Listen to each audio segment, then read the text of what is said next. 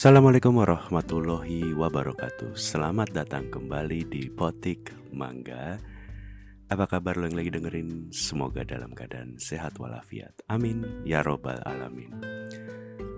Gua sebenarnya udah punya draft untuk topik episode kali ini di tahun 2021 Karena emang uh, viralnya kasus ini di tahun 2021 Gua nggak tahu pada saat ini tayang, pada saat lo dengerin episode ini, apakah akan ada kasus lain yang sejenis. Jadi biasanya gue tuh apa namanya ketik di notes di handphone gue kalau memang ada lagi uh, berita yang menarik, berita yang gue anggap menarik, topik yang gue anggap menarik buat gue bahas. Uh, gue ketik aja dulu kalau misalnya gue lanjutin jadi episode ya gue bikin kayak pointer gitu. Jadi buat lo yang nggak tahu gue membuat episode podcast ini uh, tidak berupa naskah yang word by word gitu. Jadi cuman kayak pointer. Tapi emang pointernya agak banyak. Jadi kadang kalau nggak gue tulis tuh suka gue lupa gitu. Nah ini adalah kasus karantina um, atau lebih tepatnya mungkin menghindar dari karantina atau bahasa kasarnya kabur dari karantina. Intinya sih tidak melakukan kewajiban karantina setelah pulang dari bepergian ke luar negeri. Kurang lebihnya kayak gitu.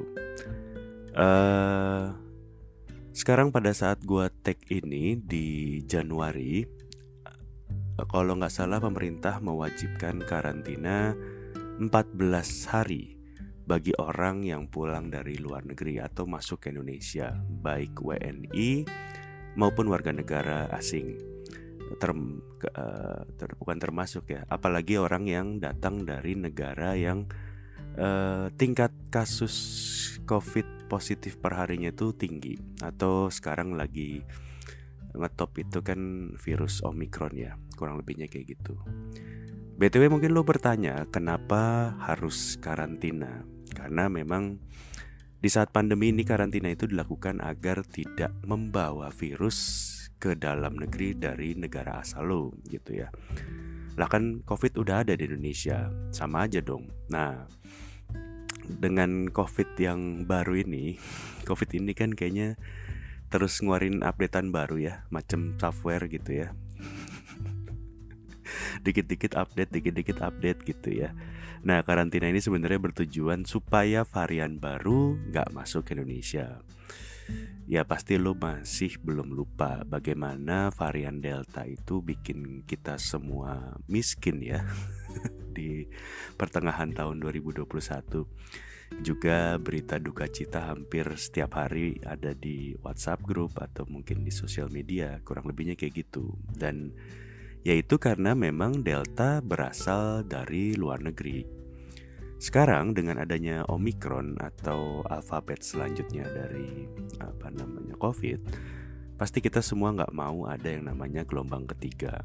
Karena di luar negeri sana, kayak di Eropa, kayak di Inggris, di Belanda bahkan pada saat gua tag episode ini sedang lockdown akibat gelombang kesekian. Gua nggak tahu keberapa karena Omicron gitu dan jumlah hari pun uh, karantina itu beda-beda ya. Uh, tergantung situasi pandemi di luar negeri terutama tergantung dari negara asalnya konon. Kemarin pada saat pandemi lumayan berangsur baik paling singkat kebijakan karantina yang dikeluarin sama pemerintah Indonesia atau Satgas Covid itu tiga hari.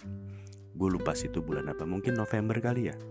Yang pasti sebelum Desember Nah, ngomongin soal karantina, kasus yang sangat viral di 2021 tentunya adalah kasus Rachel V-nya yang tidak melakukan kewajiban karantina sebanyak 8 hari. Kalau lo lupa kronologinya kurang lebih kayak gini. Untuk detailnya tentunya lo pasti bisa apa namanya searching sendiri atau google sendiri ya. Kronologinya Rachel V-nya itu balik dari Amerika Serikat setelah ikutan campaign sebuah brand baju Erigo di New York Fashion Week. Kurang lebihnya kayak gitu. Dan ketika para influencer lainnya karantina di hotel, karena emang juga waktu itu para influencer yang diajak berangkat ke Amerika itu uh, apa namanya biaya karantinanya dibayarin sama Erigo gitu. Jadi Rachel V-nya ini ternyata tidak melakukan karantina di hotel, melainkan belok ke Wisma Atlet. Sesungguhnya karantina di Wisma Atlet itu hanya boleh bagi orang-orang tertentu yang baru datang dari luar negeri. Contohnya adalah para pegawai negeri sipil atau PNS yang habis dinas dari luar negeri, para tenaga kerja Indonesia atau mungkin pelajar Indonesia yang uh, biaya negara, beasiswa atau mungkin dinas gitu ya, kurang lebihnya kayak gitu. Artinya sebenarnya Rachel V-nya pun nggak boleh di Wisma Atlet karena dia bukan PNS, bukan TKI, dan bukan pelajar. Dan ternyata pun di Wisma Atlet Rachel V-nya nggak sampai 8 hari. Konon setelah tiga hari ternyata dia udah ada di Bali. Bikin acara atau mendatangi acara gue lupa persisnya bareng sama teman-temannya dan diposting di sosmed. ya karena Mbak Rachel V-nya ini followernya sekarang kurang lebih sekitar 6 jutaan di Instagram Artinya ada netizen-netizen yang berbakat jadi detektif bisa ngitung berapa lama harusnya dia karantina dan kok udah ada di Bali gitu. Jadi ya kurang lebihnya kayak gitu. Eh, nggak susah lah buat netizen bisa ngitung-ngitung kayak gini. netizen aja bisa ngitung usia kehamilan artis, kapan nikah, terus hamilnya kapan, lahirannya kapan, apalagi cuman ngitung karantina gitu. Akhirnya viral dan heboh di jagat sosial media. Rachel V-nya pun akhirnya ngaku. Rachel V-nya akhirnya dipanggil polisi dan ditetapkan sebagai tersangka dan akhirnya pengadilan memutuskan Rachel V-nya bersalah. Vonis yang diberikan uh, pengadilan atau Pak Hakim itu hukuman 4 bulan penjara dengan masa percobaan 8 bulan. Artinya, masa hukuman 4 bulan itu tidak perlu dijalankan alias tidak perlu masuk penjara kalau selama 8 bulan ke depan setelah dibacakan vonis Rachel V-nya tidak melakukan kegiatan atau tindakan kriminal lainnya. Kurang lebihnya kayak gitu. Artinya Rachel V-nya tidak bisa dibilang bebas tapi tidak harus masuk penjara untuk menjalani hukumannya. Kurang lebih kayak gitu. Jadi kalau selama 8 bulan tidak melakukan tindakan kriminal atau perbuatan melanggar hukum, Rachel V-nya dinyatakan bebas. Fonisnya seperti itu. Nah, kalau melanggar di kotak penalti gue nggak tahu sih ya. Ya ya, ya. I'm sorry, I'm sorry. Kenapa Rachel V-nya mendapatkan vonis seperti itu? Ada beberapa hal. Konon katanya melalui berita yang gue baca, Rachel V-nya dianggap oleh majelis hakim bersikap sopan selama pengadilan, kooperatif dan tidak berbelit dalam memberikan keterangan serta mengaku bersalah. BTW nggak cuma Rachel V-nya ya dengan vonis yang sama. Jadi vonis ini uh, berlaku untuk Rachel V-nya, pacarnya Rachel V-nya yang ikut dalam rombongan, manajernya Rachel V-nya, dan juga ada yang namanya Ovelina. Ovelina itu kalau nggak salah oknum yang diberikan uang oleh Rachel V-nya sebesar 40 juta supaya bisa kabur.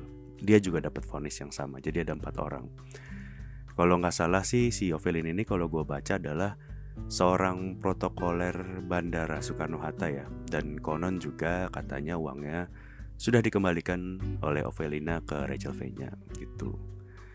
Ya, gua rasa sih pada saat lo dengerin podcast ini mungkin beritanya udah basi ya, atau mungkin udah ada sensasi lain yang artis lain mungkin atau oknum lain yang melanggar karantina gua nggak tahu juga sih.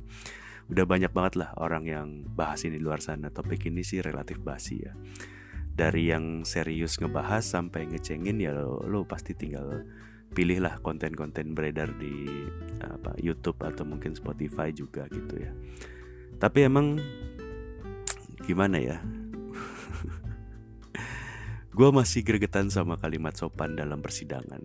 Artinya kita bicara sopan dalam sebuah persidangan itu kayaknya hal yang lumrah gitu ya. Gue yakin 99% tersangka pada saat menjalani proses persidangan semuanya pasti sopan, yakin gue. Baik dari pakaian atau mungkin tutur kata, pasti semuanya sopan gitu ya. Gue sih nggak pernah lihat ada terdakwa yang datang ketika persidangan gitu ya, pakai celana pendek, pakai kaos oblong gitu, kaos hitam tulisannya "fuck the system" gitu. atau baju-baju yang tulisannya provokatif gitu ya. Atau misalnya ke sidang pakai apa pakai bikini pakai baju Hawaii atau pakai jersey bola gitu ya. Nggak mungkin lah kayaknya hampir semuanya sopan gitu. Apalagi bicara tata bahasa gue nggak yakin bisa nggak sopan gitu ya. Ya kali gitu bisa nggak sopan gitu ya. Misalnya lu manggil Pak Hakim dengan panggilannya bro gitu. Siap bro. Hakim apa kabar bro? Atau pakai kata cuy gitu. Ya cuy. Gimana cuy? Atau pakai ngap gitu. Misalnya Hakimnya nanya apakah betul saudara memberikan uang 40 juta untuk bebas dari karantina? Bener cuy. Parah banget dah cuy. Mana kagak mau ditawar cuy ya kali nggak sopan gitu. Ya jadi maksud gue sesungguhnya 99 gue nggak berani bilang 100% tapi gue yakin mayoritas para tersangka yang mengikuti persidangan ya semuanya sopan gitu. Kemudian ya nggak mungkin juga kan kayak apa sih namanya berlaku yang aneh-aneh atau pakai baju yang aneh-aneh gitu ya. Menurut gue sih kata sopan itu agak mengganggu ya Kemudian gak lama dari viralnya kasus sopan santun ini Ada salah satu anggota Dewan Anggota DPR RI yang juga seorang artis Mbak eh, Raden Wulansari alias Mulan Jamila. Mulan Jamila ini juga diduga tidak menjalankan kewajiban karantina 10 hari. Jadi kalau ini viralnya ada seorang uh, penggiat sosial media begitu sih tulisannya kalau gue cek di berita namanya Adam Adam Denny.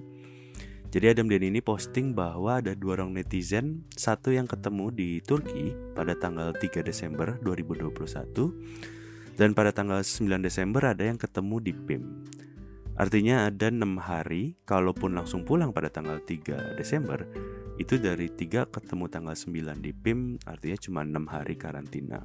Um, harusnya kan kemarin tuh 8 apa 10 hari lah. Kalaupun dia langsung pulang pun dia cuma enam hari. Dan ternyata akibat kejadian ini publik jadi tahu bahwa kalau anggota dewan setelah kembali dari luar negeri bisa melakukan karantina mandiri di rumah masing-masing dengan rekomendasi BNPB. BNPB itu Badan Nasional Penanggulangan Bencana. Artinya seluruh anggota dewan nggak perlu bayar hotel 10 hari apalagi ke Wisma Atlet. Layaknya layaknya rakyat biasa gitu.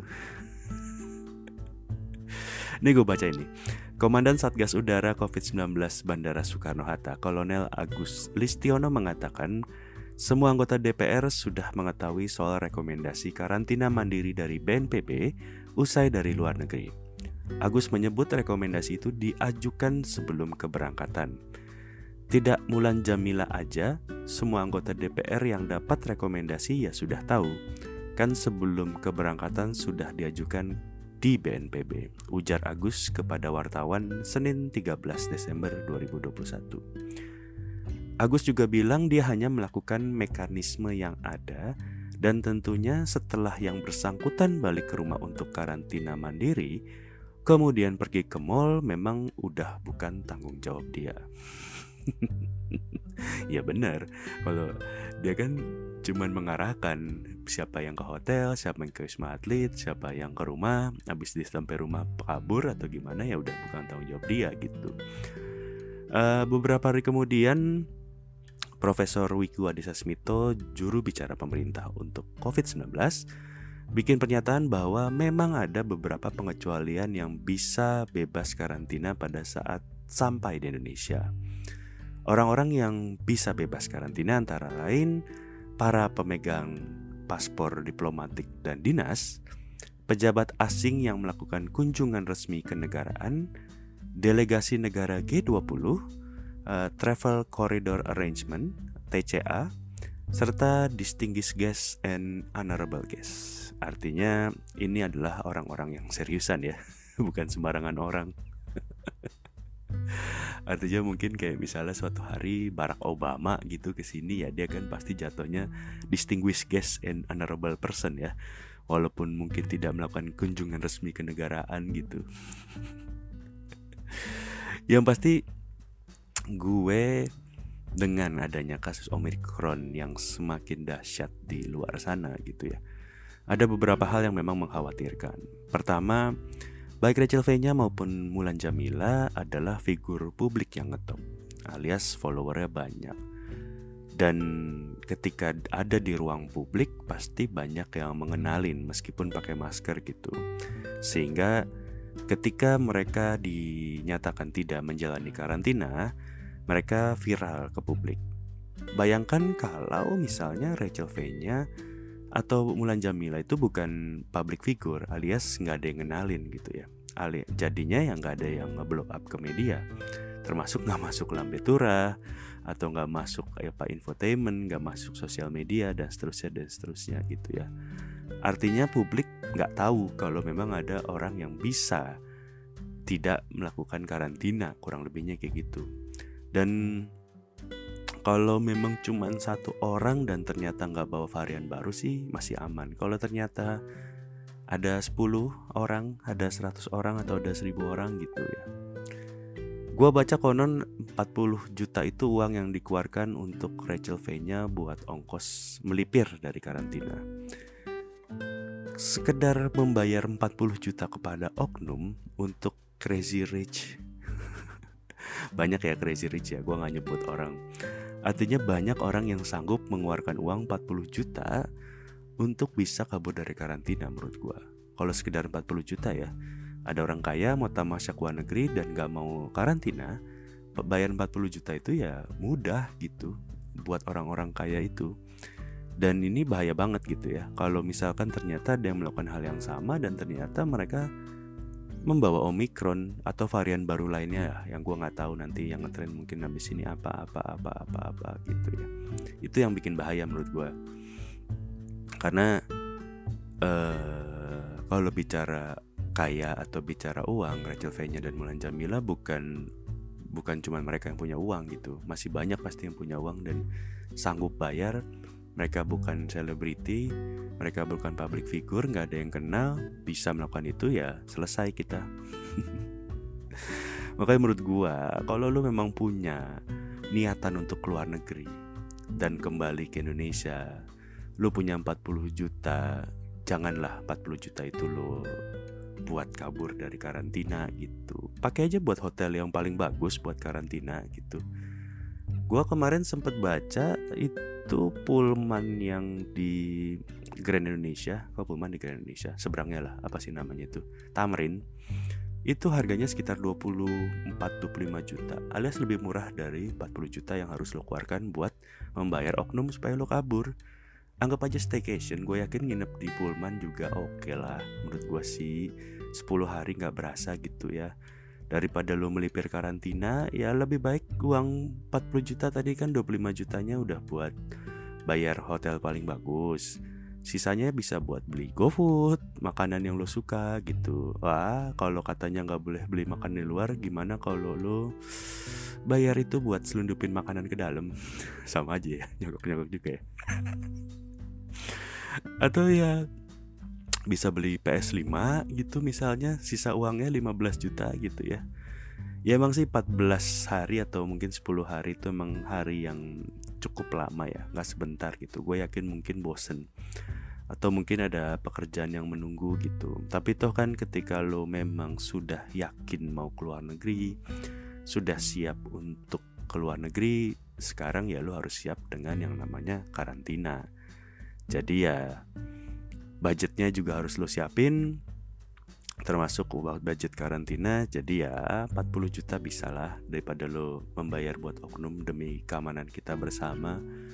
Mendingan lo bayar hotel paling mahal gitu ya. Itulah kenapa gue sampai saat ini belum memutuskan untuk keluar negeri jalan-jalan. Kenapa ya? Karena kita tidak punya uang kalau kata Menteri Pertahanan sih gitu ya. Udah terima kasih sudah mendengarkan uh, sampai jumpa di episode lain dari Potik Mangga. Assalamualaikum warahmatullahi wabarakatuh